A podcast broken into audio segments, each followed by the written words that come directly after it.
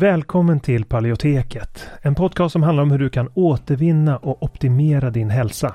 Vi presenterar spännande forskning, praktiska verktyg och inspirerande berättelser som ska hjälpa dig att ta makten över din egen hälsa. Vi som gör podden heter Karl Hultén och Anna-Maria Norman. Nu kan vi äntligen avslöja startdatumet för vår efterlängtade kurs AIP Masterclass. Det blir den 15 mars som vi inleder 12 veckor av fördjupning och utforskande av sambanden mellan maten och immunförsvaret. Och det här är en kurs som passar både för dig som är helt ny med AIP och för dig som redan har testat och märkt av resultaten. Så tillsammans med oss kommer du att lära dig allt från grunden, hur du återintroducerar, hur du undviker vanliga fallgropar, hur du felsöker och optimerar. Vi kommer att gå igenom massor av tips och tricks. Vi kommer ge dig vittnesmål från tidigare deltagare som också delar med sig av sina lärdomar och insikter. Så gå in nu på paleoteket.se och skriv upp dig på intresselistan där för att säkra din plats. Vi ser mycket fram emot att få välkomna dig den 15 mars. Innan vi kör igång med dagens tema vill jag påminna om att den här podcasten har ett utbildande syfte och inte utgör medicinsk rådgivning. Nu kör vi!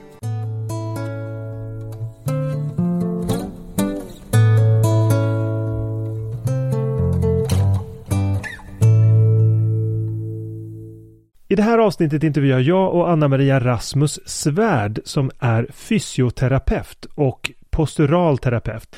Och du får lära dig en hel del intressant om de muskelobalanser som uppstår när vi sitter hukade över telefonen eller framför datorn hela dagarna. Och en bonus för alla er som är medlemmar i Hälsodetektiverna det är att vi nu lagt in en film i biblioteket där Rasmus instruerar mig i ett antal grundrörelser som egentligen passar de flesta som lever i det moderna samhället. Och eh, för alla som vill prova på postural träning naturligtvis. Så sök på postural träning i sökfältet på medlemsplattformen och om du inte redan är medlem och vill bli det så besöker du paleoteket.se medlemskap. Nu till intervjun med Rasmus. Välkommen hit Rasmus Svärd. Tack så mycket, roligt att få vara här. Ja, och eh, nu sitter vi ner det kanske inte är helt korrekt att sitta ner. Nej, jag kom på det när jag stå. förberedde förut att ja oh, men gud, vi kanske skulle ha något, något sätt att stå upp. När Mm. vi, Eller sitta på golvet. ja, det hade varit kanske ännu bättre. Huksittande hade väl varit det mest optimala kanske, ja. Ja, huksittande. Alltså det är något, eh, alltså jag, jag har ju liksom en, en sån där ståskrivbord. Men, eh, och det, det gick ju sönder nyligen. Så fastnade i stående position. Och då märkte jag liksom hur ovan jag var vid den positionen. Och eh, det, det var ju verkligen ja, nya muskler som inte var vana att jobba som gjorde att jag kunde inte koncentrera mig. Jag kan inte koncentrera mig stående på grund av Mm. massa, det, bara, det känns konstigt. Men var det liksom. inte lite så att du hade ett ståbord, men du använde inte så ofta den funktionen att stå? Nej, jag använder den i stort sett aldrig. Nej, precis. Och det är inte frivilligt som jag hör där. Men, Mm. ja. men så vi har ju träffats nyligen. För både Anna-Maria har ju kontaktat din kollega och jag kontaktade dig. För att jag, jag fick problem med kroppen. Jag är 45 år gammal. Jag har visserligen tränat hela livet. Ja, kampsport, crossfit, gymnastik, massa träning. Men jag har förstått att jag, jag hade inte bra hållning och jag fick skador. Jag fick dels eh, diskbråck och jag har liksom problem med, med ena benet också med gamla skador som jag har liksom ont av. Och jag har förstått att eh, dels det här, alltså just ehm, ehm, problemen med diskbråck var ju något som jag, när jag fick kontakt med en sjukgymnast, ja men det här har att göra med, ja men du sitter hela dagarna. Och jag insåg att det kanske inte är så helt oproblematiskt. Mm. Och då träffade jag dig och jag fick så, eh, på bara några, vi gjorde ett antal övningar som totalt gjorde att det kändes väldigt annorlunda i kroppen, väldigt eh, avslappnat, löst, öppet i kroppsställningen och jag eh, insåg att det här är någonting som jag kommer behöva jobba med. Så jag har gjort det. Sen vi träffades så har jag gjort liksom varje dag träning. Eh, och kan inte du börja berätta lite vad, eh, vad är postural träning och hur kom, hur, kanske, hur kom du in på det från början? Jo absolut, jo men eh, Rasmus Svärd heter jag då och är sjukgymnast, legitimerad fysioterapeut som det heter nu för tiden då. Och jobbar med en metod som heter postural träning, eh, kallar vi den då. Och eh, ja, min, min resa började egentligen att eh, min bror hade mycket skador. Både jag och han spelade mycket tennis på eh, hög nationell nivå. Eh, och framförallt han hade skadeproblematik och sökte med ljus och lykta, träffade ja, men de här klassiska yrkesgrupperna, sjukgymnast, naprapat, kiropraktor eh, etc. Eh, och även eh, väldigt duktiga sådana då. Blev möjligtvis temporärt bättre ibland men det var aldrig ihållande och återkommande problem. Och till slut då så kom han i kontakt med postural träning och blev faktiskt symptomfri och smärtfri redan första besöket och har varit det sedan dess. Och nu börjar det bli väldigt många år då. Så att eh, jag på den tiden pluggade på Chalmers eh, till civilingenjör och var inne på helt andra spår. Eh, men tyckte att det var väldigt spännande och alltid varit intresserad av kroppen och eh, egentligen kanske mest prestationsoptimering. Nu är intresset väldigt stort även för smärtlindring och att hjälpa folk till symptomfria liv. Men från början var det nog mer hur kan man prestera så bra som möjligt med den här kroppen som har fått. Då. Så att jag eh, på den vägen bestämde mig för att utbilda mig inom det här postural träning och på den banan var det. Mm. Men vad är det för skillnad då mellan fysioterapi och posturalterapi? Mm. Eh, man kan säga att eh, postural terapi är eh, en form av funktionell, funktionsinriktad fysioterapi skulle man kunna beskriva det som. Så att alltså fysioterapi är ett brett begrepp då och där innefattar ju även alltså vård på sjukhus av äldre personer som kanske behöver andningsträna eller sånt. Så att fysioterapi är ju brett och posturalterapi kan man nästan säga som att det är den idrottsmedicinska delen av fysioterapi. Alltså när man tittar mer på knä, höft, axelsmärtor till kopplat till rörelseapparaten och att man tittar mer på funktion. Man tittar kanske mindre på symptom än man klassiskt gör i fysioterapi. Man riktar sin behandling kring funktion. Alltså vi gör kanske tester för hela kroppen även om man söker för ett specifikt område. Medan i fysioterapin kanske man gör mer en riktad insats på ett knä om man har ont med ett knä. Medan jag tittar alltid på hur är fotens funktion och hur är höftens funktion i förhållande till det här knät. Då. Så man kan säga att det är en funktionsinriktad form av fysioterapi skulle man till och med kunna kalla det. Men den har sina rötter i USA.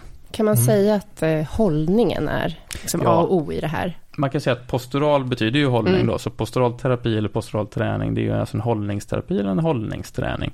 Så att oavsett vad man söker för så vill man få funktionen, det vill säga hållningen, att fungera så optimalt som mm. möjligt. Och då är den underliggande tesen att när funktionen och hållningen blir bättre så minskar symptomen i kroppen och man mår bättre också. Mm.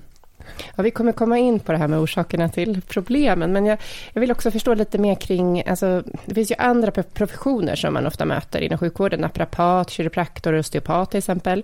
Och vad är skillnaden mellan den kategorin och eh, fysioterapi och posturalterapi? Ja precis, om vi börjar med den eh, klassiska vården så har vi ju kanske man träffar en läkare och har man en sån här knäskada så kanske man träffar en ortoped, vilket är en form av läkare då. Och så kanske man blir ordinerad operation eller träffar en fysioterapeut, alltså en sjukgymnast. Då. Så där har vi liksom det som många kommer i kontakt med då. Eh, sen har vi ju en yrkesgrupp som sysslar mer med manuella behandlingar, så man använder sina händer för att justera eh, muskler, leder, Eh, etc. i kroppen. Då, då kommer kiropraktor och naprapat eh, och något som heter OMT-sjukgymnast in. Så det är ju sjukgymnaster som är utbildade inom kiropraktiska tekniker skulle man kunna säga. Då. Eh, och då jobbar man ju mer med att släppa på Ja, det här blir svårt och jag måste säga det på lekmannamässigt sätt som man ska förstå som lyssnare. Medicinskt så kanske man inte uttrycker exakt så här nu då, men man släpper på trycket, släpper låsningar i ryggen och, och skapar friare känsla i kroppen via så här kiropraktiska justeringar då, som man kallar det. Mm. Uh, Okej, okay, så, så um, vilka, var, var, skulle du säga att de här um, problemen som du möter, alltså när människor kommer med olika typer av smärtor, um, vad är det, till att börja med, vad är det för typ av symptom som är de vanligaste konsekvenserna av, av det här? Precis, om man, om man tittar, det absolut vanligaste är ju ländryggsmärtor. Det skulle jag säga vanligast. Sen har vi knäsmärtor och vi har axelsmärtor. Det är, det är det vanligaste. Men givetvis kommer det fot och nackproblem och eh, även skulderbladsspänningar och allt möjligt. Då. Men jag skulle ändå säga att de tre är det, är det vanligaste som folk söker för. Och, och den här typen av krämpor för återkoppla söker man ju för även hos kiropraktor, sjukgymnast, naprapat etc. också. Då, mm. Så, så man kan dela in detta i passiva och aktiva behandlingar. Då, va? En passiv behandling det är när en terapeut gör någonting för dig så att säga. Du kommer att bli knäckt om jag uttrycker mig så. Du kommer att bli masserad hos massören. Och sen eh, är det stopp där så att säga. Det är behandling och så förhoppningsvis känner du dig bättre och mår bättre av det då. Va? En, en aktiv behandling det är mer du kommer till sjukgymnasten och får eh, träningsövningar som du går hem och gör på egen hand. Och där kanske du inte får någon passiv behandling alls utan du kanske att säga, bara får ett träningsprogram som du går hem och gör då. Va? Och eh, hur jag jobbar är att jag kombinerar det kan man säga. Så att jag gör ju passiva behandlingar, det vill säga att jag kan jobba med triggerpunkter eller olika muskelbehandlingar. Och så får man ett skräddarsytt träningsprogram som jobbar på den underliggande funktionen som jag anser har skapat ditt problem. Sjukgymnasten jobbar mer med övningar lokalt i symptomområdet då. Givetvis är ju tanken att det ska hjälpa också, vilket det ibland gör. Och jag jobbar mer på vad, vad är det som har orsakat detta? Jag vill titta på hela kedjan av, för jag vill inte att det här problemet ska komma tillbaka. Även om det känns bättre efter några veckor så vill jag helst få en bestående förändring hos personen som kommer till mig. Då. Mm. Så vad är, det för, vad är det för grundläggande misstag som vi gör? Alltså på vilket sätt krockar det här moderna samhället med våra, våra kroppars gamla biologi, om man, om man säger Precis, mm. och, och det, det enkla svaret är att vi rör oss på tok för lite idag jämfört med vad vi kanske borde. Men, men det är klart mer komplext än så skulle jag säga ändå. Så om, om vi börjar med, lite som vi antydde på i början, att idag sitter vi till exempel ner och pratar på stolar. Eh, personligen så tror jag, det är alltid svårt liksom att säga 100% så här är det, men man kan ju titta på teser och sannolikheter och att sitta i någonting som vi i västvärlden gör väldigt tidigt. Vi börjar sitta, tvingas att säga sitta i skolan. Tittar man på små barn när de rör sig, de sitter på huk, de plockar upp saker med en full knäböj med fullt rörelseomfång. Vi vuxna, vi hänger oss lite framåt snett ofta och böjer knappt på höfter eller knän och plockar upp saker och vi sitter på stolar så vi behöver inte använda lederna i sitt fulla rörelseomfång. Då, eh, Men redan i liksom, ja, skolåldern så börjar ju detta eh, och jag skulle säga att redan där så börjar vi tappa funktion i de djupa hållningsmusklerna som, som ska skapa stadga i bäcken och resa på kroppen så man får en så här skön upprätt eh, hållning. Då, va? Och när det systemet slutar arbeta optimalt och sen kanske man börjar med en idrott. Man börjar med en kampsport som du nämnde eller crossfit eller någonting kanske möjligt senare. Men en idrott av något slag. Och idrotten kanske är jättebra för det är rörelse tänker man. Men problemet är att man redan har hunnit sutta sig ur funktion. Alltså redan i skolan innan när man har börjat med idrott så har man redan hunnit skapa en dysfunktion i kroppen. Det vill säga att vissa muskler har börjat överkompensera och andra muskler har börjat underjobba. Så att det behöver inte vara fel på, om vi tar friidrott till exempel. Du springa, hoppa, studsa. Naturliga rörelser för kroppen. Det är inget, det är evolutionsmässigt korrekt så att säga. Men om du gör det med en kropp som redan har hunnit skapa kompensatoriska mönster, det vill säga att du jobbar inte med djupa höftböjningar, då kan du inte jobba fullt ut med den stora sätesmuskeln. Så när man springer framåt så ska de två samspela. Då blir det kanske att du jobbar extra mycket med framlåren, extra mycket med baklåren, så får du en baklårsbristning senare och så undrar du varför. Så att det här blir liksom ett komplext samhällsproblem egentligen. För att, mm, som sagt, man brukar ju säga att rörelse är bra och det är det. Och det är mycket prat om att vi ska röra oss mer i media. Men det man kanske missar då är att vi redan från början, vi måste röra oss tidigt i livet. För annars så, även om vi gör bra saker, bra rörelser, bra träning, så kanske kroppen ändå inte klarar att koordinera det på rätt sätt. Okej, okay. ja det där var jättespännande resonemang just det där man kan etablera felaktiga rörelsemönster då som sedan implementeras i det man gör. Um, Finns det något man kan se i Alltså om man då inte kommer och redan har konsekvenserna, som jag kanske hade konsekvenserna då redan när jag var 45-årsåldern och kommer med och har ont. Men jag tänker att långt innan kanske man kan se på felaktiga rörelsemönster. Hur kan man, kan man se det i spegeln om man står framför, ja men gud jag har obalanser här. Absolut, och det är egentligen det hela min analys bygger på. Men om vi tar enkla saker som, som eh, säkert alla som lyssnar kan se hos sig själva om det är aktuellt då. Det är att man helt enkelt ställer sig framför en spegel man går lite på stället så stannar man upp så som känns skönast i kroppen. Och då menar jag kanske inte att man fullständigt slappnar av, men att man står behagligt. Det ska inte kännas eh, så behagligt som möjligt kan man säga då. Va?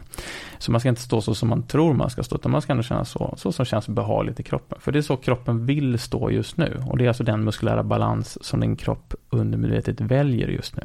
Och sen kan man titta ner på sina fötter till att börja med. Och då är det väldigt vanligt att de pekar utåt. Och då kan man titta på ungefär andra, tredje tån där någonstans. Så ska det helst från mitten på fotleden till den gå en rak linje kan man säga. Men det är väldigt vanligt att den pekar utåt. Att man ser att alla tår vrider sig utåt till exempel.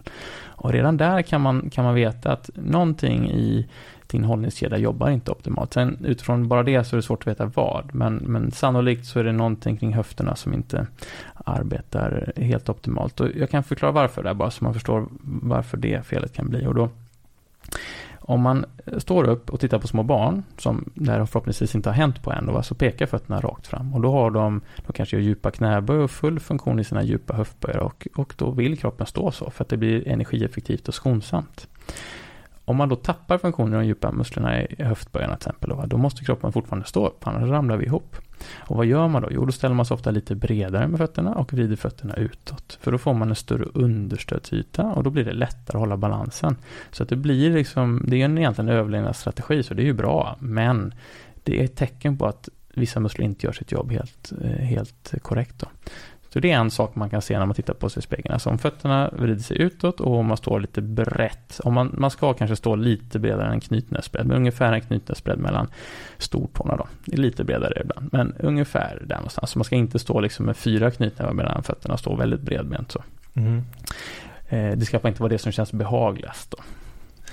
Eh, det där är någonting som man ofta ser, alltså barn, alltså jag har ju tränat eh, barngrupper och sådär inom gymnastiken en, en kort period. och då såg jag att eh, ja, men det är många barn som, som redan har utåtpekande, alltså Pippi Långstrump-gången. Så, så det är alltså, det, det beror på det sittande man har gjort kanske då i tidig, i, i tidig skolålder. Kan, kan alltså göra så att, så att man får en inaktivering av muskler i höftpartiet då på, Eh, ja, det kan man säga. Sen finns det potentiellt flera anledningar då och det, och det kan börja tidigare än så. Det kan börja eh, att man inte kryper, att man har olika utvecklingsstadier som människa. Man börjar ju åla sig och sen kryper man och sen ska man lära sig att gå. Det finns ju fler än så. Det finns många steg man ska gå igenom och vissa reflexer som ska avvecklas och sen utvecklas etc. Då, eh, och, och krypa är ett ofta förbisett eh, område som är ganska viktigt då. För när man kryper, om man står på alla fyra och kryper, då arbetar man ju med den djupa höftböjen för att lyfta benet framåt, helt enkelt krypa. Och det är alltså ett viktigt del i att utveckla styrka och funktion i höftböjarna, så att när du väl står upp sen, så ska de kunna parera gravitationen och hålla dig upprätt.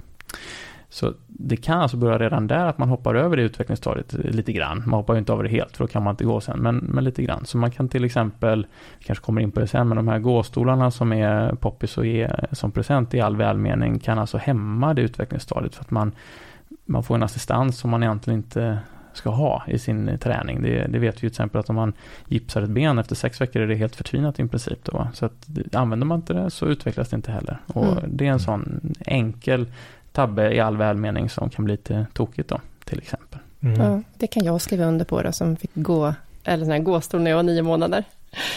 Och jag tror, eller det är liksom en hypotes, eh, att jag har lite skolios. Och att det liksom har kommit av det, genom obalanserna. För att det finns liksom, ja, vad kan vara orsaken annars, tänker jag. Det är en väldigt tydlig sån, sånt problem när man är nio, nio månader. Man har väl inte lärt sig gå än, tänker jag. Då missade jag krypstadiet där. Det låter så, det äh. låter så. Och man, kan skilja på funktionell skolios och eh, mer strukturell mm. skolios då. Och har man lite, alltså kanske en 6-8 grader eller något sånt där i sin skolios, då kan det mycket väl bero bara på en sån sak. Ja, som och jag har inte så mycket. Nej. Det är ganska lite. Så och den kan ändras också, eh, säger fysioterapeuten. Det, så det är väl det, en sån där det funktionell. tror jag absolut. Mm. Och, men som en kort sidparentes kan jag berätta att jag har ju folk eh, som du lyssnar på detta och känner någon eller så som har en strukturell skolios, alltså vi börjar prata 30-40 grader. Mm. Man brukar säga att gränsen för operation går någonstans kring 40 40 grader. Om, ofta är det tjejer i 13-15 års åldern kanske som har, har de grova skolioserna. Det kan givetvis killar också. Eh, men jag har haft flera stycken sådana på behandling. Och jag kan inte påstå att de blir raka men det kanske går från 40 grader till 18 grader eller till 20 grader. Mm. Så att även om man har så att säga att skelettet har vuxit eh, snett om jag uttrycker mig så, så finns det också mjukdelar runt som spelar roll. Så att det, inte, det är aldrig så snett som det ser ut. Om man liksom, så att det går alltid att göra. Det finns absolut hopp. Och hittills, vågar man knappt lova så här en podd, men hittills alla skolioser som jag har träffat i den åldern, 13 till 14, 15 där, som har varit på gränsen till operation så har ingen hittills behövt opereras utan man har mm. kunnat undgå det genom, genom träning. Och det börjar ändå bli ganska många som har kommit till det. Så att det kan ju vara ett tips om man är i den riskzonen själv. Då. Ja, verkligen. Mm. Um, du nämnde ett antal vanliga problem som människor har. Det var ryggont nämnde du. Eh, också nackproblem är vanligt. Eh, vad, vad, kan man säga? Eh, är, är, det de två vanligaste kategorierna? Liksom att man får smärtor från eh, ryggont har väl att göra med höftpartiet? Ländryggen. Ländryggen. Mm. Eh, och sen spänningar. Eh, det finns förstås väldigt många andra uh, olika typer av symptom och smärtor som kan uppstå som ett resultat av, av det här.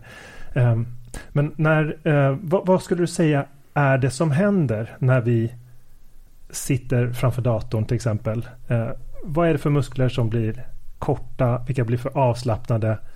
Vi, vad, vad, har vi för, för motverkande system? Vad, är, vad, är, vad, består i obalansen i så att säga? I, i, i de specifika fallen som nästan alla är ut, råkar ut för i sina jobb.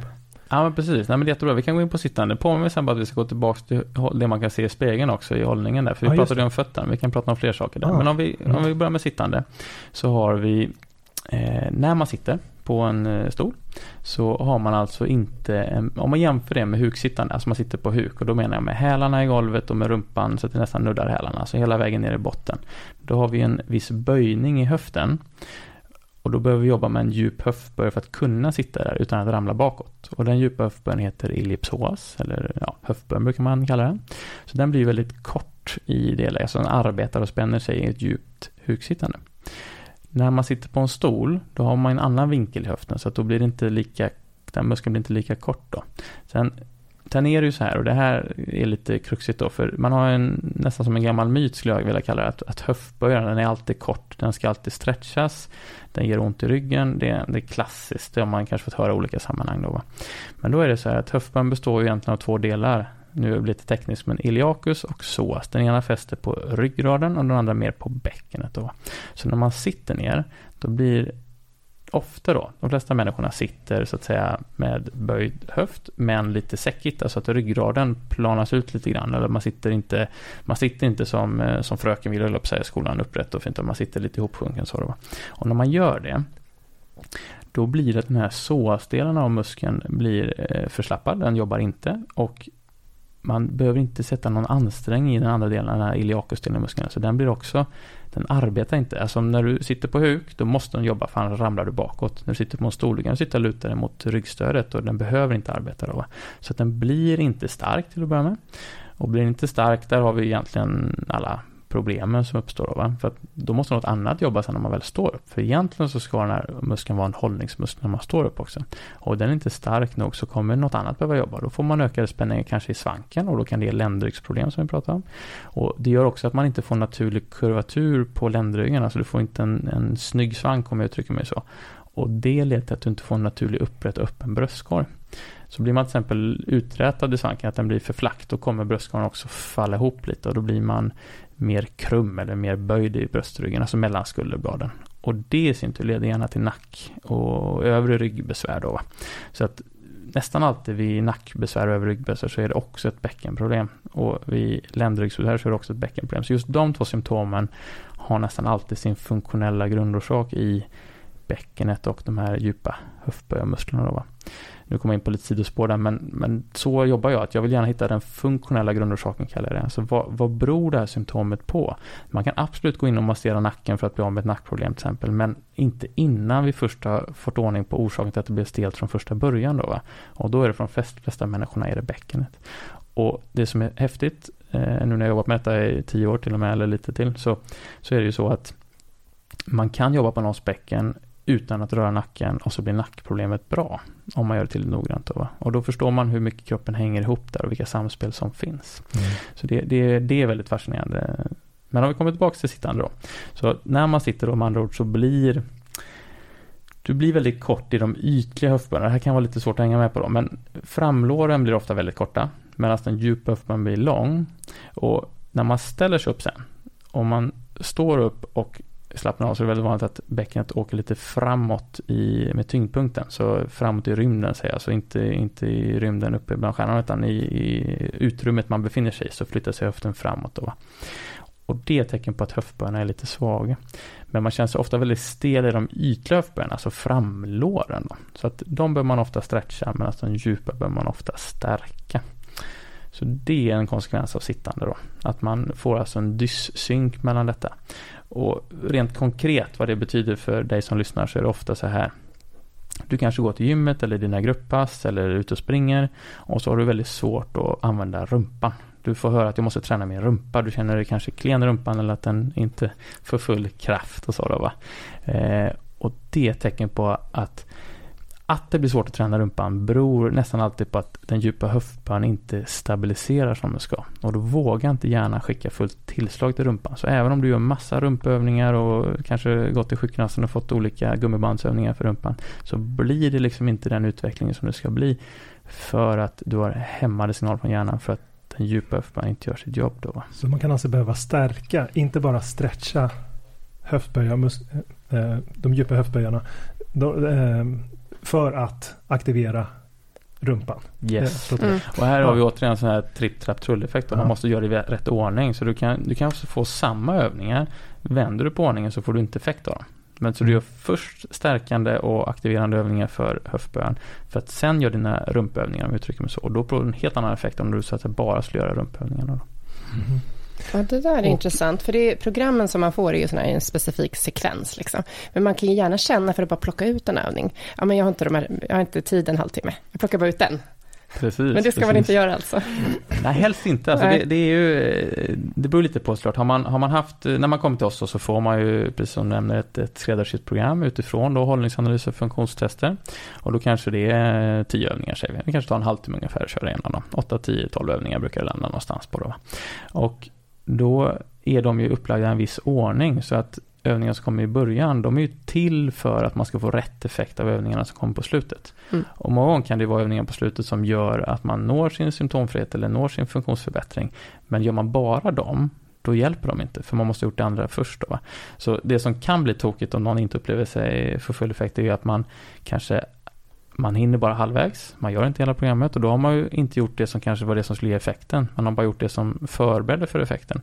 Eller så gör man tvärtom, att man plockar ut den där sista som man tyckte den var, ju, den var jobbig, den var, måste vara bra. Men så har man inte gjort de förberedande övningarna så får man ändå inte full effekt av den då. Så mm. det kan ju vara lite tokigt det där. Man ska gärna göra dem i ordning så. Men, men eh, det går alltid. Man, mm. man frågar oss så vi, kan vi förklara hur man kan göra. Men, men jag känner igen mig väldigt mycket i det där med, eh, det där med känslan av att ett behov av att stretcha höftböjaren. Att det känns så, gud vad skönt. Sen man gör en yogaövning och så istället för att stanna någonstans där på mitten så bara glider ner hela vägen ner. för att det är skönt, liksom. man känner så om jag är lite stel här. Eh, och, då, och så har jag ju fått de där övningarna för att stärka eh, höftböjaren och de känns så ologiska på något sätt. Ska jag göra det här? Bara snurra benet lite? Så, vad, vad syftar det här till? Att man, man känner ju en tydligare effekt av en stretch än av vissa av de där stärkande övningarna. Alltså, Absolut. Eh, för att det känns tydligare liksom, i kroppen på något sätt. Men då är det lätt att man väljer att göra de övningarna. Och det är jättebra att ta upp det här faktiskt, för att det blir pedagogiskt på ett annat sätt. För att när du, eh, om man säger så här, om vi tar ett exempel som är lättare att förstå för lyssnaren, som man kan se framför sig. Det är samma princip för bäckenet och höftböjarna, men om vi börjar tänka oss att man är lite krum, alltså man är lite hopsjunken i överkroppen. Så att man är rundad över skulderbladen alltså. Vad som händer då är att man ofta känner sig stel och spänd mellan skulderbladen. Alltså de musklerna känns stela. Och då kanske det är skönt att dra i sin egen arm och förlänga så man stretchar ut, man rundar ryggen ännu mer så man får en stretchkänsla i partiet då, va? Och det är ofta skönt. Då kan det till och med kännas lite bättre efteråt i någon timme eller så. Men om vi tänker efter, hur, varför är de spända? Jo, när man är krum då måste de ju spänna sig så att man inte ramlar ihop ännu mer. För annars hade man ju bokstavligt talat ramlat ihop med överkroppen. Så att då måste baksidan spänna sig. Men den muskeln är ju spänd och lång.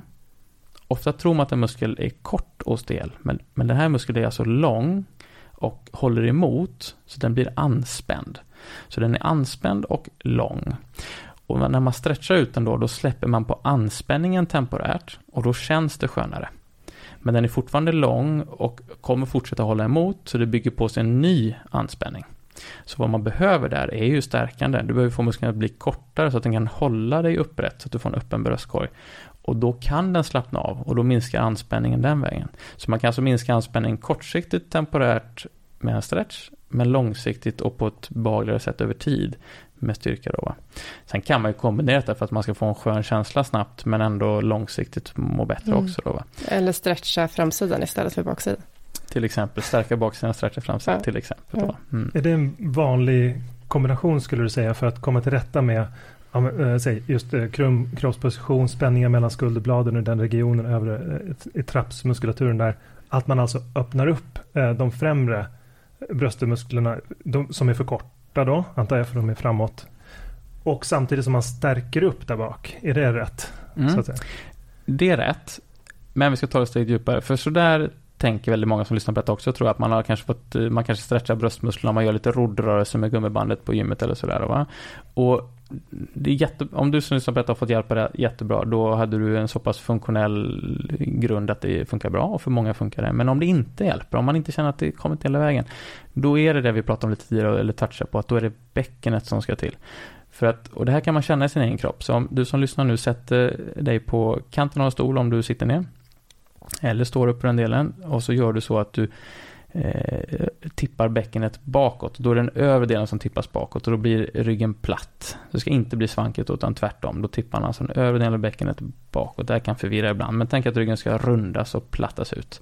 Om det händer, då bör du känna att även skulderbladen vill åka fram och överkroppen vill sjunka ihop som en följd av det. Om man inte gör något speciellt motstånd i kroppen utan bara låter det följa efter. Där, om vi jämför det med att man istället gör tvärtom, alltså man skapar en liten svank, inte för mycket så man spänner svanken, alltså ryggen då, men man har en liten, liten svank. Då bör det vara naturligt för kroppen att hamna lite mer upprättat, att man vill komma upp lite grann då va. Och det betyder med andra ord att bäckenet har en stor påverkan på vad som händer med din bröstkorg. Så att om man vill ha en öppen eh, bröstkorg upprätt och kunna vara avslappnad och ha det skönt mellan skulderbladen och nacken så är det jätteviktigt hur bäckenet står. Då, va? Och det får inte vara för lite svank men det får inte heller vara för mycket för då blir det ett annat typ av problem. Då, va? Så det där det kan vara lite lurigt men man vill ha lite lite svank. Nej, men det där är ju viktigt för vi pratar om att stilla sittande är ett problem. Mm. Men vi kommer ju ändå sitta en hel del. För när vi kommer till en podd här då ska vi sitta. Ja, och hur ska vi då sitta? Då är det viktigt att tänka på hur man sitter. Precis, och då kan man mm. göra så här att man, om, man, om man sitter ner nu då, när man lyssnar på detta, och så tar man, man kan börja med att eh, svanka, att man kan tänka sig som att man har som en eh, skål med vatten. Om bäckenet hade varit vattenfyllt då, så man ska inte spilla vatten varken framåt eller bakåt då va. Men man ska vara lite, lite, lite åt det svankiga hållet. Vi pratar någon centimeter kanske, så att lite, lite åt det svankiga hållet. Vad som ofta händer om man är ovan vid detta är att hela överkroppen flyttar sig framåt och då har man spänt ländryggen. Så är det inte skönt i ländryggen när jag säger detta nu, då har du en kompensation i ländryggen, det vill säga att dina ländryggsmuskler, de jobbar för hårt. Och hur man löser det då, det är att man har kvar samma svank med bäckenet, men man lutar överkroppen lite bakåt. Och vad som kommer hända då, är att du kommer till ett läge, om du fortsätter luta lite bakåt, så kommer du komma till ett läge där magmusklerna spänner sig. Och det är lite för långt. Så lite, lite tillbaka. Så du ska alltså vara i ett läge där både magmusklerna och ryggmusklerna kan slappna av. Och bäckenet är milt, milt, milt framåttippat. För att om man lutar sig framåt så kommer till slut ryggen att spänna sig och lutar man bakåt kommer till slut magen att spänna sig.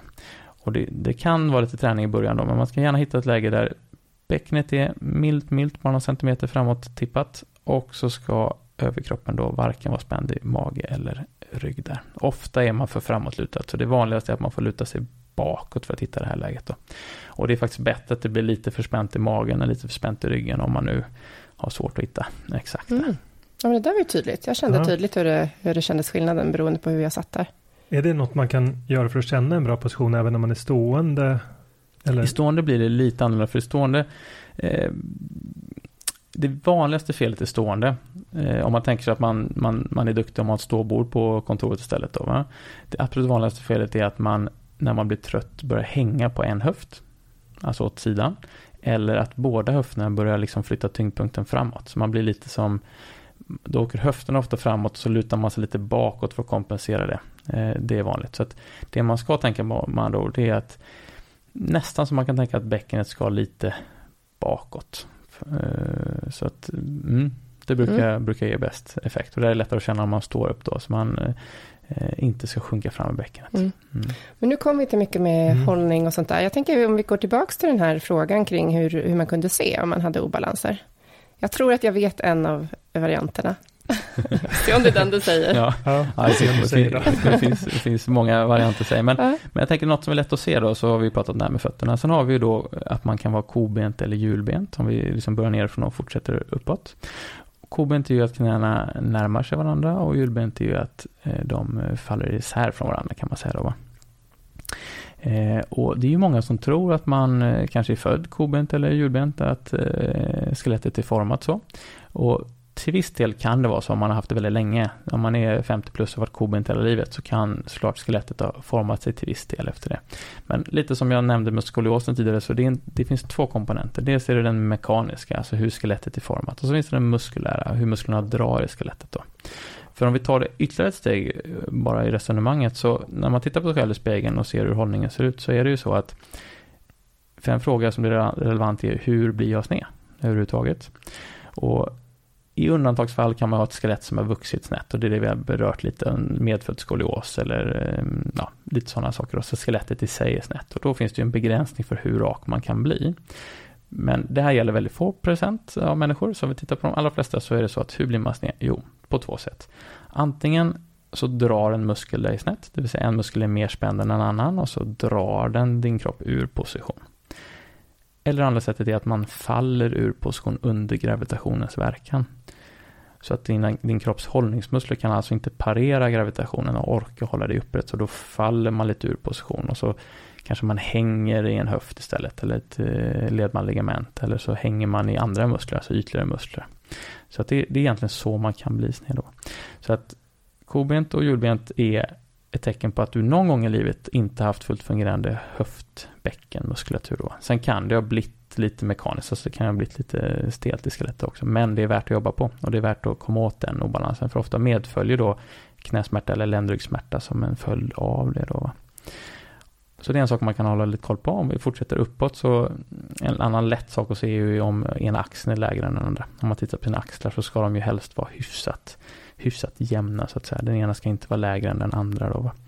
Om den ena är lägre än den andra så är det väldigt vanligt att det är att kroppen inte litar på ena höften. Det kan vara att man, eh, för ofta är det sidoböjning och en liten skift. Så att om man till exempel har en lägre högeraxel så är det väldigt vanligt att kroppen också är lite skiftad åt vänster. Så hela, hela överkroppen sitter liksom till vänster om höfterna kan man säga. Och så är högeraxeln lägre i så fall. Kan man säga att man är lite skruvad? Ja, lite så. Ja. Ofta, ja, man är ofta skruvad också. Nu var det för sig inte det jag Nej, okay. men det kan man vara också då. Eh, precis, men just den här skiftningen och sidoböjningen eh, har, man, har man där då. Och då, då är det inte ovanligt om man frågar en sån person hur deras liv varit, att de har stukat den foten några gånger, alltså högerfoten i det här fallet då. Så att någonting har gjort att kroppen inte litar på den här sidan, så då liksom skiftar man lite åt andra hållet och sen för att hålla balansen så böjer man sig tillbaka lite då. Och för att ta det ett steg till då, vad händer med huvudet då? Jo, man vill titta rakt fram. För kroppen prioriterar ju att ögonen ska vara blicka framåt så att säga. Så då kommer man alltså sidoböja huvudet lite åt vänster också. Så då kommer man, för att få en rak blick, vara lite spänd i vänster sida av nacken också. Då. Så det här är faktiskt ett vanligt, eh, vanligt eh, bekymmer. Då. Och då är det återigen bäckenet som är som är orsaken man ska lägga krutet på om man har den här låga axeln. Då. Men för att ta ett exempel där inte bäckenet är det man ska lägga krutet på så kan man titta på sina knogar. När, när de hänger ner, så man, man står uppe och så låter man händerna bara hänga ner och så slappnar man av dem så tittar man i spegeln. Då ska man helst bara se tummens knoge och ett finger till. Så man ska se två knogar framifrån där. De absolut flesta, om de bara slappnar av, ser kanske tre, fyra eller alla knogar till och med. Och desto fler knogar man ser, desto mer spänd är man i sina bröstmuskler, biceps, latsmuskler, de här ryggmusklerna och det som skapar en krumhet hos, eh, hos folk. Då. Så det, och då, eh, då är det relevant när vi pratar om stretch av man kan stretcha underarmarna, man kan stretcha biceps, man kan stretcha bröstmusklerna och de här latsmusklerna. Man stretchar alla dem och sen försöker man sen försöker man göra sin roddövning eller sina stärkande för ryggen och ryggresningar eller någonting. Då, då får man en bra följd på, på det. Så då blir det mycket mer effektivt än att om man bara gör till exempel gummibandsrodd eller något sånt där. Då. Mm. Och det som du var inne på alldeles nyss, det här med eh, eh kobenthet som då eh, vilka, mus eh, vilka muskler eller inaktivitet av muskler skulle kunna vara bidra till att man får eh, kobenthet respektive hjulbent? Mm. Eh, kobenthet är nästan alltid att sätesmusklerna är lite inaktiverade då. Och då har man ju Eh, på utsidan den här gluteus medius-muskeln och sen har man ju den här som man kanske pratar om gluteus maximus, den stora sätesmuskeln där bak som syns mer kanske då. Så båda de skulle jag säga ofta är lite inaktiverade men framförallt den här gluteus medius, den lite mindre sätesmuskeln då, eh, ska ju vara med och hjälpa att hålla benet rakt där då. Så ofta har den inte gjort sitt jobb. Eh, men den djupare frågan är ju varför och då är ofta, som vi pratade om innan, att den djupa höftböjen är den som ska stabilisera den här gluteusmuskeln då. Va? Så att om man till exempel, då kanske man har fått göra, det kan nog många känna igen sig att man, man eh, går åt sidan så att säga med ett gummiband runt knäna, kanske lite böjda ben och så går man eh, på gymmet fram och tillbaka i liksom sidled för att stärka och så bränner det kanske på utsidan av höfterna då. Va? Det är en sån klassisk som både PT och fysios jobbar med som man säkert känner igen. Och återigen då för att den ska bita fullt ut, för att man ska verkligen få kontakt med den muskeln. Och då menar jag inte bara att det ska kännas jobbigt, utan kroppen ska också lära sig använda den på ett funktionellt sätt. Då.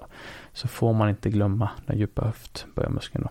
Och, då, och då kan det mm, vara så enkelt som att man gör eh, raka situps innan. För då måste man jobba med den djupa höftböjen. Alltså inte att man krummar sig upp, utan man är rak i kroppen och så gör man en situp till exempel. Då, mm. Ehm, en, en klassisk övning som vi använder mycket inom postural träning är att man ligger på rygg och så har man böjda ben och så har man en yogakloss eller foam roller eller någonting mellan knäna som man helt enkelt trycker mjukt in mot i 2-3 sekunder och då kommer man känna att insidan jobbar. Syftet med den dock är egentligen en reflex att det snarare är den djupa höftböjen som kommer stabilisera även om man känner arbetet i insida lår. Mm. Det där är typ en sån övning som man verkligen behöver bestämma sig för att göra. För det känns som, så här, vad gör jag nu egentligen? Det här är helt onödigt. ja, jag förstår. Ja, det... Man måste ju få förklarat för sig varför man ska göra det. För att ja, om man precis. bara får övningen och inte fattar varför så känner man inte det liksom jättetydligt. Nej, precis. Jag, utan alltså det är ju en helhet med alla, alla Nej, precis. Man, skulle nog, eh, man behöver nog få det, eh, känna känslan av och få det beskrivet också. Eh, vilka strukturella förändringar ser vi nu i kroppen? Mm. Så som, eh, till exempel när jag var på besök hos dig så gjorde vi ett antal övningar, bland annat den där med, med klossen för, för att aktivera insidan av låret och höftböjaren kanske också. Ja, precis. Um, och uh, det, det, hände ju saker med mina fötter, kommer jag ihåg. Att de började liksom vridas inåt. Mm. Det har jag tänkt på mycket. Mm. Um, när man får sådana cues så, uh, så blir det enklare att motivera sig till att, till att göra de rörelserna. För då känner man, okej, okay, då får man också en direkt feedback när man, när man kan se den eh, förändringen i kroppen och man kan se den i spegeln. Då blir man ju också mm, motiverad mm, och att göra före och efterbilder kan man bra. Så man ja, ser också själv, så där kan spara. Um, Verkligen. Men jag tänkte, vi återkommer ganska mycket till den här um, djupa höftböjar, nämner ganska ofta. Um, och jag, och, um, jag tänker till, till, den breda allmänheten som kanske inte har liksom, fysiska symptom, men som kanske sitter hela dagarna för att motverka konsekvenser, kanske förebygga mer. Om du skulle välja några rörelser för höftområdet, ett antal rörelser, eh, eh, jag vet inte, en eller två eller tre eller fyra, ehm, och något liknande för kanske axlar, bröstrygg. Vilka skulle du välja för som, som möter det generella som de flesta bär med sig från sittandet? Mm.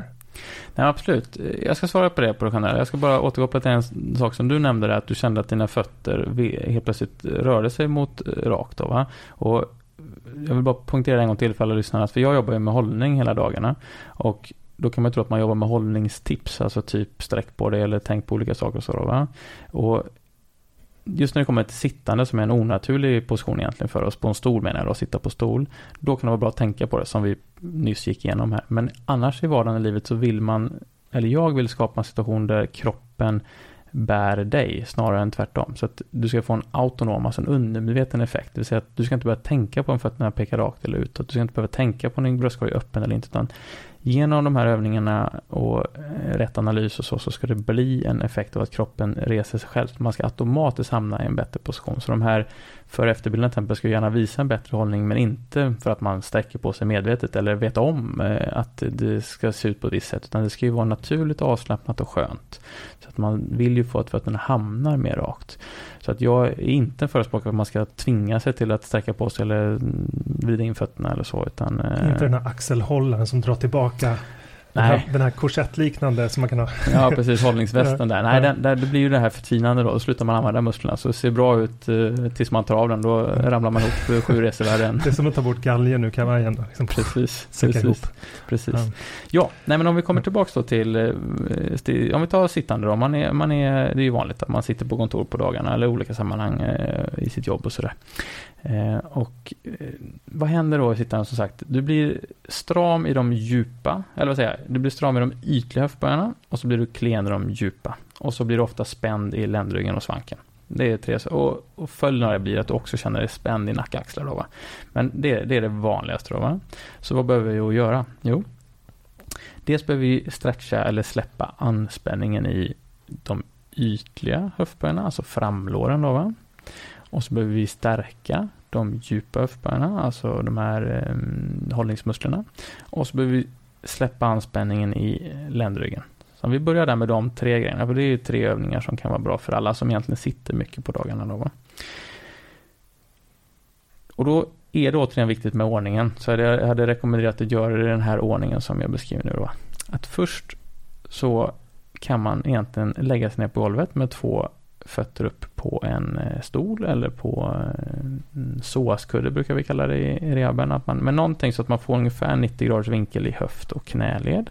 Och så man kan ligga avslappnat på golvet. Och då ska det kännas behagligt för svanken. Svanken ska kunna slappna av och man ska bara vila i den positionen. Och då börjar man att vila den positionen i två minuter kanske. Något sånt där. Bara lite kort så kroppen får hinna slappna av i positionen. Där. Därifrån så kan man använda en eh, bok eller en yogablock eller något annat som toarulle om man inte har något eh, annat smart som man sätter mellan sina knän. Och så trycker man då mjukt in mot det här objektet under 2-3 sekunder. Det är betoning på mjukt för det är inte styrketräning utan detta är en nervsystemsträning vi håller på med. Vi alltså programmerar om nervsystemet så att du ska få den här omedvetna autonoma effekten. Det är alltså inte styrketräning just nu. Så då trycker du mjukt 2-3 sekunder in mot den här eh, klossen eller objektet som du använder. Slappna fortfarande av i ryggen så det ska inte spänna sig i ryggen utan du ligger i den här 90-gradiga vinkeln och så gör du ytterligare 2-3 minuter. Så totalt sett kanske du befinner dig i den där övningen i 5 minuter. Då. Därifrån så vill du gå upp och stretcha dina framlår så att du kan egentligen göra på vilket sätt som helst. Jag förespråkar ju ofta att man eh, kanske inte då håller i benet och står och håller balansen på ett ben och stretchar framlåret för då blir det lätt att det blir en balansövning istället för en stretch. Utan jag kanske tycker man hittar eh, en stol här eller en soffkant eller någonting, lägger upp foten på alltså det bakre benets fot på stolen och så har man främre benet böjt fram och så får man ju då en stretch av framlåret om man ställer sig i, med knät i golvet då. Så att eh, man står vid en soffkant, man står med vänster ben fram, man lägger upp höger fot på soffan höger knä sänker man ner till golvet så det blir nästan som ett utfallssteg och sen stannar man i den positionen och kanske lutar sig lite bakåt så att rumpan närmar sig hälen och då får man en stretch ofta av framlåret där då. Hur länge stannar man där ungefär? Ungefär en minut per sida tycker jag är lagom för det här ändamålet och syftet då. Så att då släpper vi på anspänningen i låren då som ofta blir stela och tajta efter sittande. Och i den förra övningen så har vi ju dels positionellt fått ryggen att slappna av. Det vill säga att i den positionen så slappnar ryggmusklerna av när man ligger på rygg på det sättet. Och den här, de här små trycken då mot det här objektet har jobbat med insialår och vad som också har hänt där, vilket egentligen är magin, det är att de djupa höftböjarna har stabiliserat den rörelsen. Så du har fått en autonom påverkan på de här djupa höftböjarna. Så de är redo, de är, man kan se det som att man retat igång dem på ett bra sätt. Alltså att de är redo för det vi ska göra sen. Och det är det då som ger kanske den största symptomlindringen. Men återigen så de andra aspekterna behövdes för att få full effekt. Och då tänker jag mig en klassisk jägarvila. Nästan. En jägarvila är när man står mot en vägg, så man lutar ryggen mot en vägg. Man kan plana ut den helt mot en vägg och så står man i typ 90 grader. Men vi ska modifiera lite här nu, utan vi ska stå kanske 5 10 cm ovanför 90 grader med ryggen mot väggen och ja, 3-5 cm längre ut än 90 grader med fötterna. Så man hamnar alltså lite förbi 90 grader. Och så ska man luta sin svank mot väggen så att den är helt utplanad mot väggen. Det är det viktigaste egentligen. Så svanken ska vara helt utplanad mot väggen. Man ska ha vikten mot hälarna. Man kan hela foten i men ändå mest vikt mot hälarna. Och så kan man faktiskt vara lite hösäker med överkroppen här så att det är lättare att plana ut svanken mot väggen då, så man blir lite hösäker i överkroppen, slappnar av överkroppen. Det kommer jobba lite låren, det kommer jobba lite benen, men så ska man fokusera på att slappna av ryggen. Och sen, man håller den här ungefär en minut kanske. 90 sekunder om man känner sig stark. Eh, sen går man upp och går efter den. Så man, eh, man kan ha gått innan också, så man vet lite referens hur kroppen känns. Och då menar jag gå 10-15 steg bara, så man vet lite hur känns det i kroppen. Och om man då har fått rätt effekt av detta, vilket vi hoppas att du som lyssnar får, då kommer kroppen kännas lite lättare och lite friare i sitt gångsteg. Man kommer ha en liten studsig känsla i kroppen då, så att kroppen kommer alltså ha mer postural på, eh, påkoppling så att du motverkar gravitationen bättre och då känns det lättare i kroppen. Så det hoppas vi att du känner. Om du känner det så är det bara att köra på detta så ofta som möjligt. Det är jättepositivt. Känner du inte detta så är det några andra övningar som just du behöver då, så vi hoppas att så inte är fallet. Men uppmaning till alla lyssnare att göra det och sen in och kommentera på inlägget i sociala medier eller någonting. Hur gick Precis. det med de tre ja. övningarna? och eh, bara så jag förstår rätt, man gör den här serien rörelser för att få en aktivering eh, av eh, ja, rumpmuskulaturen, inre höftböjarna och sen så gör man, alltså att gå runt, det handlar kanske om, handlar det om att etablera ett sunt rörelsemönster eller vad kan man säga? Att, du, att jag vill att du ska gå innan och efter handlar primärt om att jag vill att du ska få upplevelsen i din kropp. Att du ska känna hur kändes det innan, hur kändes det efter. Så att du själv då, det blir inte bara prat från mig eller när vi sitter här utan du ska gärna få upplevelsen i din egen kropp att, att känna det då. Sen är ju såklart problemet när man säger så här att det här blir så generellt som möjligt och jättemånga kommer känna den här effekten och några kommer inte göra det då. Va? Och, då och då kommer man behöva men det jag ändå vill säga är att alla kan få den här effekten. Alla kan få den här effekten av kroppen känns lättare och friare och så då, va? Så det är mest för att få en referens. Sen är det ju så att att andra gången du går så kommer du såklart integrera den funktionsförbättringen. Så att om man är en av de personer som känner att det här kändes bra, jag kände att det blev lättare i kroppen och kändes bra, då är det jätteklokt att göra detta inför en löprunda eller inför en annan träning. Då är detta som ett uppvärmningsprogram för dig. För att då kommer du integrera den funktionen in i din vanliga träning och då blir totaleffekten mycket bättre än om du bara hade gjort de här tre övningarna då. För det är klart, gör man de här tre och får en bra effekt så kanske den effekten håller i sig någon timme eller två. Men gör detta och sen går och tränar ett styrkepass, alltså ett generellt styrkepass på gymmet till exempel, då kommer du ha med den funktionen in i styrkepasset och då kanske hållbara effekten över tid blir inte bara några timmar utan månader eller år. Mm. Ja, det var ju ja, jättebra tips. Verkligen. Mm. Ja, men det, det, det, är så häftigt att jag är väldigt glad över att jag får, får tid till idag. För det här känns som att det var verkligen på tiden att få, få lära sig mer om de här grejerna. Det går ju verkligen hand i hand med det som vi pratar om hela tiden. Mm. Vilket, vilket är att försöka gå till roten med eh, varifrån symptom och ohälsa kommer. Och i vårt fall så pratar vi ju väldigt mycket om mat. Vi pratar visserligen om sömn och stress också. Men det här med den moderna miljön, hur, hur mycket den krockar med eh, eh, våra kroppsposition. Mm. är ju så helt, det är ju eh, det är så självklart egentligen och eh, det har flugit lite under radarn för mig. Mm. Eh, tyvärr. Men, eh, men det är ju på, det är på samma skala som eh, menar, hur den moderna maten krockar med, alltså hur matprodukter krockar med, mm. med vår metabolism och vår, vår, vår cellbiologi och vår mat, matsmältning. Det här är Ja, väldigt häftigt. Och också det här med hur just höftens funktion hänger samman med eventuella spänningar i nacken. Att man, det gäller att bygga nerifrån och upp. Liksom. Mm. Man, kan, man kan likna det och göra väldigt mycket med funktionsmedicinen som jag tolkar det som att du, du pratar om nu då. För att i, i, inom funktionsmedicin så tittar man ju ofta på många prover. Även om man kanske söker för ett symptom så gör man jättemånga tester för att få helhetsbilden och faktiskt hitta grundorsaken. Då, mm. och egentligen gör jag samma sak fast inom sjukgymnastiken. Att jag, även om du söker för bara ont i nacken så kommer jag titta på hela din kropp och göra massa tester ändå för att få en helhetsbild av ja, men vad beror det här på. Då? Så att man faktiskt kan jobba på kärnan och få ett långsiktigt resultat få en quick fix och få det lite skönare, det, det, det är många som kan få det. Eh, men att få det att hålla och faktiskt få en funktionsförbättring på riktigt, då krävs det att man tittar på helheten. Mm. mm. Men jag hade ett par till frågor bara. Mm. Uh, alltså, om vi pratar om det evolutionära perspektivet, så här, vad är det som motiverar vad som är kroppens hållningsmuskler ur ett evolutionärt perspektiv, skulle du säga? Jättebra fråga. Det är ju så att vi, vi människor är ju, nu för tiden lever vi i ett överflöd av mat och inte alltid så bra mat kan vi säga. Men, men om man tittar evolutionärt så, så har vi ju varit i behov av att överleva och vi har i behov av att vara energieffektiva. Det vill säga vi vill inte slösa energi i onödan då. Och om vi tittar på en sån enkel sak som att stå upprätt eller promenera eller mild rörelse. Om vi börjar med att stå upprätt för att det ska vara så energieffektivt som möjligt så vill du ha så lite muskelrekrytering som möjligt, alltså så lite muskler som jobbar som möjligt, men att de jobbar effektivt och klarar uppgiften, det vill säga hålla det upprätt. Då. Och vad behöver man för att uppnå detta? Jo, du behöver gynnsamma hävarmar, det vill säga muskler som är lednära och djupt in i kroppen med andra ord. Så det blir energieffektivare. Och du behöver muskler som motverkar det gravitationen gör med din kropp. För att om vi, om vi tar två muskler som många tror är hållningsmuskler som, som jag anser inte är det ur detta perspektivet då. Det är till exempel de ytliga magmusklerna och de ytliga ryggmusklerna. Då. För vad händer om de ytliga magmusklerna spänner sig? Jo, då kommer kroppen falla framåt. Typ tänker en crunch fast det är stående. Då kommer kroppen falla framåt. Och ryggresning, ja, då kommer kroppen ramla bakåt. Om man tänker sig att man gör den i stående. Så de två musklerna är ytliga och kan dra kroppen framåt eller bakåt. Så det är klart att om båda spänner sig samtidigt så kommer kroppen bli så att säga rak. Men det är väldigt oeffektivt energikravsmässigt för du kommer förbränna massa energi fram och massa energi bak och du håller dig visserligen i position men gravitationen kommer komprimera och har vi två uppdragande krafter från varsitt håll så kommer de också komprimera så du får ökade kompressionskrafter på ryggraden.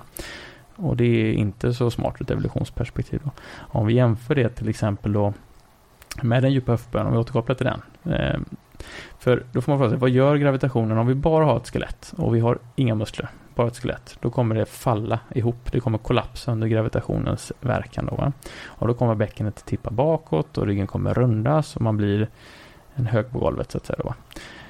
Så muskler som gör precis motsatsen, det vill säga tippar bäckenet lite framåt, skapar en naturlig svank och håller benen på plats det är alltså en hållningsmuskel, den gör motsatsen och där har vi en djupa höftböjen Så att den kan ju väldigt energieffektivt hålla kroppen upprätt mot gravitationen för det är bara en muskel som jobbar. Ska vi använda mage, rygg, framlår och baklår då har vi fyra muskler. Så fyra muskler gör samma jobb som en muskel. Så jag säger inte att man inte kan hålla sig upprätt med andra muskler. För det är många som gör, det gör vi allihopa. Jag säger bara att det inte är energieffektivt och med andra ord inte, inte det smartaste, eh, anser jag då, mm. för kroppen. Ja, om man tittar på... Intressant perspektiv. Ja, jag kommer tänka på det när du berättar. Att det, man har ju sett sådana bilder på jägar-samlar-folk. Eh, det finns inte så mycket bilder, men det finns ett antal som lever ett liv utan möbler åtminstone. Och då ser man ju ofta att de står ju ofta avslappnat, men, men de står ju inte med spänd mage som du vet fitnessmodeller gör på Instagram, utan det är liksom de, de står ju med avslappnad magmuskulatur. Och eh, Ja, men det, det påminner lite om det du säger att det, det, är andra muskler som gör att de har en bra hållning. För de har ju en väldigt bra hållning, ser man ju. Precis, och vi kan titta närmare så om vi tittar på våra små barn då. Eh, I 3-4 årsåldern så är det väldigt vanligt att fötterna faktiskt pekar rakt fram och till och med lite inåt. Och de är jätteupprätta. De har inga problem med djup eh, knäböj. De är jätteavslappnade i magen. Magen snöjer snarare så att den putar ut jättemycket än inte då. Va? Så att hade magen varit en viktig hållningsmuskel så hade vi ju eh, medfött lärt oss att spänna den från början då. Va? Däremot om de plockar upp någonting som för dem kan vara tungt, då gör de ofta en djup knäböj och då, då spänner magen sig lite grann automatiskt. Så givetvis ska man använda den vid tunga lyft och sånt. Men upprätt stående, även sittande, så ska inte magmusklerna behöva spännas. De ska kunna vara helt avslappnade. Och det ser man på naturfolk, det ser man på eh, små barn. Eh, oftast, och förhoppningsvis. Det är, tyvärr även hos små barn blir det mer och mer att det inte ser ut som man kanske vill då. Sen får man fundera på vad vi gör i samhället för att det blir så. Så man skulle kunna tänka det som två skilda muskelsystem nästan. Alltså ett system av muskler som är för rörelse och idrott ungefär som, som vi brukar träna när vi gör så här crunches, när vi biceps curl och vad vi nu gör. Och an, ett, ett annan uppsättning av muskler som håller oss upprätta, avslappnade är det, eh, så kan man säga att alla, alla muskler i kroppen har ju sin uppgift skulle jag säga då va. Det betyder då att, inte, att de inte kan byta, för vi är ju som sagt överlevnadsmekanismer så att vi, vi kan ju byta uppgift. Men om det ska fungera så energieffektivt och snyggt och bra som möjligt så ska ju vissa muskler hållas upprätta. Samma muskler ska fungera som ankare vid rörelse, det vill säga de håller lederna i position. Sen är det ju rörelsemusklerna då som, som skapar rörelse. Till exempel om vi ska kasta någonting, då är det bröstmuskeln, stora bröstmuskeln och tricepsmuskeln, de ska generera kraft och kasta iväg ett spjut, säger vi då. Så de, det är de som gör rörelsen då, va? Samtidigt så måste hållningsmusklerna hålla oss upprätta för att annars hade vi ju ramlat ihop. Så de måste också jobba även under rörelse. Och de håller dessutom skulderbladen på position så att inte skulderbladen flyger all världens väg. Och sen har vi något som heter sekundära stabilisatorer och det är ju små muskler i axeln då, som håller axelleden i position. Så man kan säga att vi har tre stora muskelfunktioner kan man säga. Då. Vi har alltså hållningsmusklerna och så har vi de här sekundära stabilisatorerna och så har vi rörelsemusklerna. Och när de jobbar med sin egen uppgift i ett koordinativt bra mönster. Det är då det ser väldigt motoriskt snyggt ut. Om man ser någon som springer förbi jättesnyggt, det ser så lätt ut. Eller man, man ser någon som, shit vad de hoppade högt och det ser liksom ansträngningslöst ut. Då vet man att det är en person som har bra samspel mellan de här musklerna. Då. Om vi tar det andra änden av spektrat, det är ju någon som kanske Ehm, om man tänker sig en äldre person säger vi som har problem med att man gärna ramlar och man, man börjar gå i en riktning så ska man bromsa så tar det lite tid innan man har bromsat innan man byter riktning då. Då, då blir det ett hackigt rörelsemönster då va. Och då är det ofta ytliga muskler som både skapar rörelse och försöker stabilisera oss då. Va? Och då blir det väldigt hackigt då. Så om det är mjukt och följsamt då kan man vara ganska säker på att det är en person som har ett bra samspel med de här musklerna och ligger, ligger då evolutionsmässigt nära vad, vad som är Mm. Mm. Hur ska vi då motverka så att inte barnen får samma problem som vi? Ja, precis. precis. Nej, men det första är ju då att, eh, att inte ge bort gåstolar till era vänner. det, det, är ju, det är ju en grej. Um, nej, men sen eh, krypa. Att krypa med barnen, även i fasen när de börjar uh, resa sig upp och börja gå. Alltså givetvis får man lära sig gå. Är de sugna på det så ska de göra det. Men man ska inte heller på, man ska inte nödvändigtvis påskynda det om man, om man själv som förälder tänker att de borde kanske gå över det här laget. Så antagligen behöver de mer av krypande innan de är redo att börja gå. Så man ska liksom ha tillit till det lite och inte påskynda något som inte kommer av sig självt. Mm. Eh, det, är ju, det är ju om vi pratar väldigt unga, unga barn då, va? och bebisar och sånt. Eh, sen om man tittar lite längre upp då så har vi ju det här problemet när man, när man börjar sitta i skolan. Ofta, ofta är det där nästa problem uppstår om man säger då. Va? För innan dess så springer man omkring och leker och eh, rör sig jättebra, eh, pigg i kroppen och sådär då. Sen när vi börjar sitta då, eh, då är det ju tyvärr väldigt många i dagens moderna samhälle som sitter oerhört ihopsjunkna då va. Och, och jag, jag, förstår att man kanske i skolan inte vill sitta som ett ljus och sitta upprätt och sådär som vi pratade om innan då va. Men ett tips man kan ge till sina barn där det är att man man, när man sitter på stolen, istället för att bara sitta helt ihopsjunken, så kan man borra in rumpan så långt bak i stolen man kan, så man sitter så man rumpan hela vägen in till ryggstödet. Och sen lutar man sig bakåt, liksom så man lutar på ryggstödet. Så då, då är man då kan man så att säga helt slappna av. Man behöver inte sitta och spänna sig, man behöver inte sitta som ett ljus och man behöver inte se tönt ut som en del kanske är rädda för att göra det då. Eh, så att då kan man ändå lite avslappnat eh, sitta på en stol, men du sitter åtminstone i en eh, led, hyfsat lednaturlig position. Du har ändå en rak rygg och du har ändå ett bäcken som, som vilar i en okej position. Om man jämför det med att sitta här, utan ryggstöt eller kanske en två decimeter framför ryggstöt och så sjunker man upp fullständigt och bara övre delen av ryggen hamnar mot ryggstödet och så man helt ihopsjunken då. Det, det blir liksom inte så bra mm. över, över tid. Då, va? Om man ska tänka lite att det kanske finns ett systemfel så kanske det skulle vara att det ska finnas ståbord i klassrummen. Definitivt. Eh, att, eh, eller att det finns eh, möjlighet att sitta ner på golvet. Om det är att man lyssnar på någonting. Kanske man kan sitta där med sin mattebok i knät bara en liten stund. Sen hoppar man tillbaka till bänken och sen så hoppar man upp till ståbordet. Att, precis som att vi som har ett kontor försöker anpassa så att vi kan stå och sitta så borde ju barnen kunna göra samma sak. Mm. Ja, absolut, precis som du säger. Jag tror egentligen man skulle ha stationer för att, för att det är väldigt få saker som blir bra i överdriven mängd. Utan du kanske ska sitta på golvet en stund, mm. stå ståbord en stund, sitta på en vanlig stol en stund. Eh, och så, och så snurrar det. Mm. Eh, dessutom tror jag att man skulle ha lättare att hålla skärpan eh, om man faktiskt då och då får mikropauser och byta position. Det är säkert många som är rädda för att det skulle bli stökigt vid byten mm. men jag tror ändå att man totalt sett skulle ha nytta av det.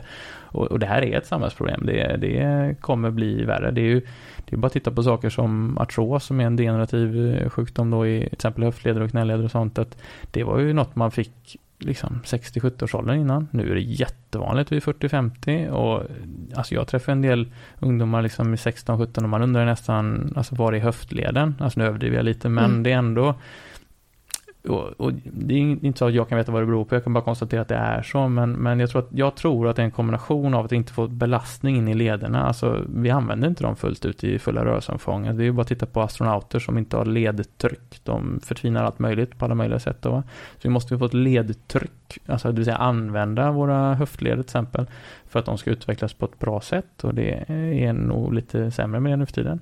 Sen är det också spännande hur mycket har det att göra med kost och de här aspekterna, alltså degenerativa tillstånd i kroppen. Men, men kombon av så som samhället ser ut just nu mm. resulterar i alla fall inte i, i något jättebra. Så mm. vi måste nog fundera på detta kollektivt. Ja, det skulle verkligen behövas både på, ja, men på det privata planet som egen förälder så kan man ju dels påverka, som vi har funderat mycket över hur vi påverkar den matmiljö som barnen befinner sig i hemma.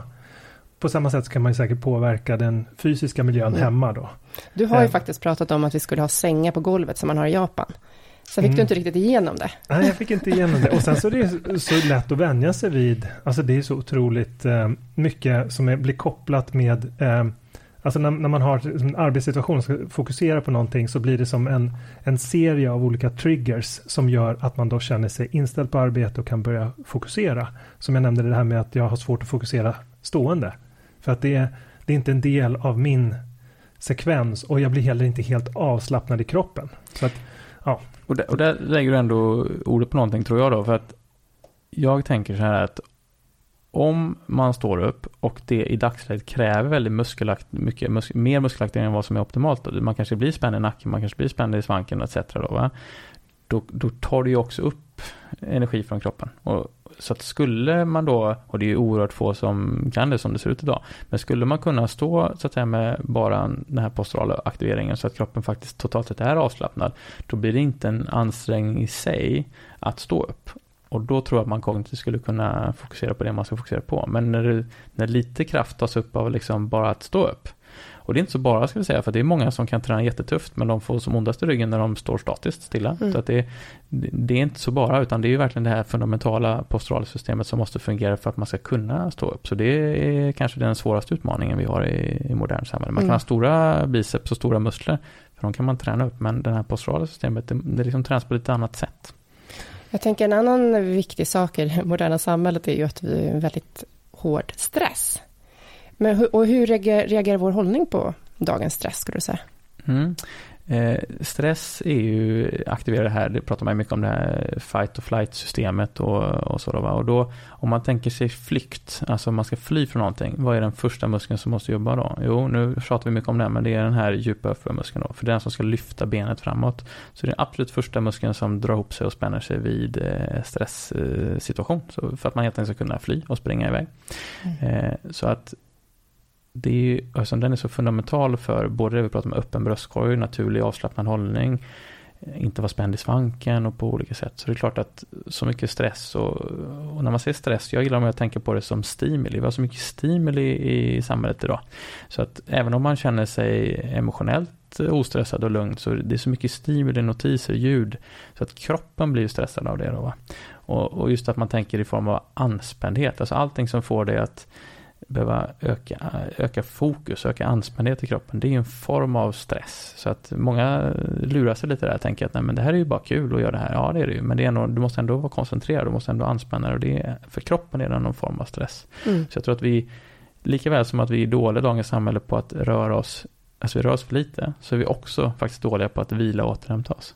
Så att det, det blir liksom ett mellan, Absolut. det blir liksom ett mellanting hela tiden. Ja, men det där var jättebra eh, avrundning tror jag på det här. Ja. För jag tänker att det man vill se är ju helheten och allting hänger ihop.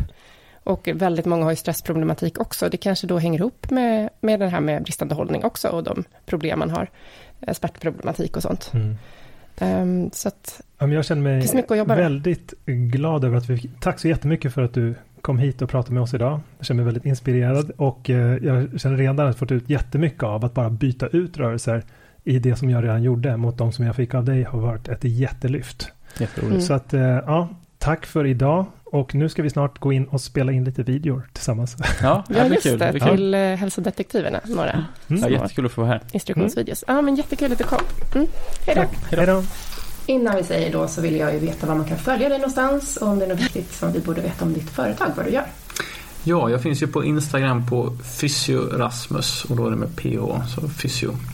Eh, så där kan man hitta mycket info om eh, vi som jobbar i, hos mig kan man säga med mitt varumärke som heter då Postural Workout. Så posturalworkout.com finns ju med i min hemsida. Där finns också massa matnyttig information.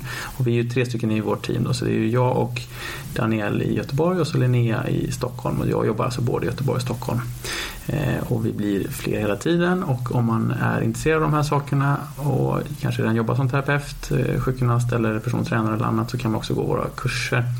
Och de finns ju då på fysioscale.se. Där finns information om kurserna. Men man kan kontakta mig på Instagram också om man är osäker och vill veta mer om kurserna där. Och då kan man antingen gå våra eh, tre dagars kurser, vi har tre stycken som man lär sig massa matnyttigt på eller några få stycken har också möjlighet att gå lärlingsutbildningar hos mig men då får man först gå de här kortare kurserna och eh, bli så pass intresserad att man är beredd att satsa på en del av, en del av mitt varumärke också. Den möjligheten finns också. Mm. Ja men spännande. Mm. Tack så mycket. Tack så mycket för att du har lyssnat på det här avsnittet av Paleoteket. Vi hoppas att det har varit till nytta för dig. Om du vill få hjälp att uppnå dina hälsomål står vi redo att hjälpa dig. Vårt medlemskap Hälsodetektiverna är en gemenskap online där du träffar likasinnade, får hälsoinspiration hela året och kan ställa frågor direkt till oss på våra medlemsseminarier. Nu under våren startar också två onlinekurser. AIP Masterclass är kursen för dig som vill lära dig allt du behöver veta om kostupplägget AIP, autonomt protokoll, samtidigt som du blir guidad genom en stegvis process med både läkningsfas, utvärdering och återintroduktioner. Sen har vi kursen Maghälsa på djupet som riktar sig till dig med IBS och misstänkt eller konstaterad SIBO. Vi fokuserar helt på vad du kan göra med kost, livsstil och strategiskt utvalda kosttillskott. För dig som föredrar att läsa finns också våra fyra böcker. Besök paleoteket.se för att veta mer och glöm inte att prenumerera på vårt nyhetsbrev. Du hittar länkar i beskrivningen till podcastavsnittet.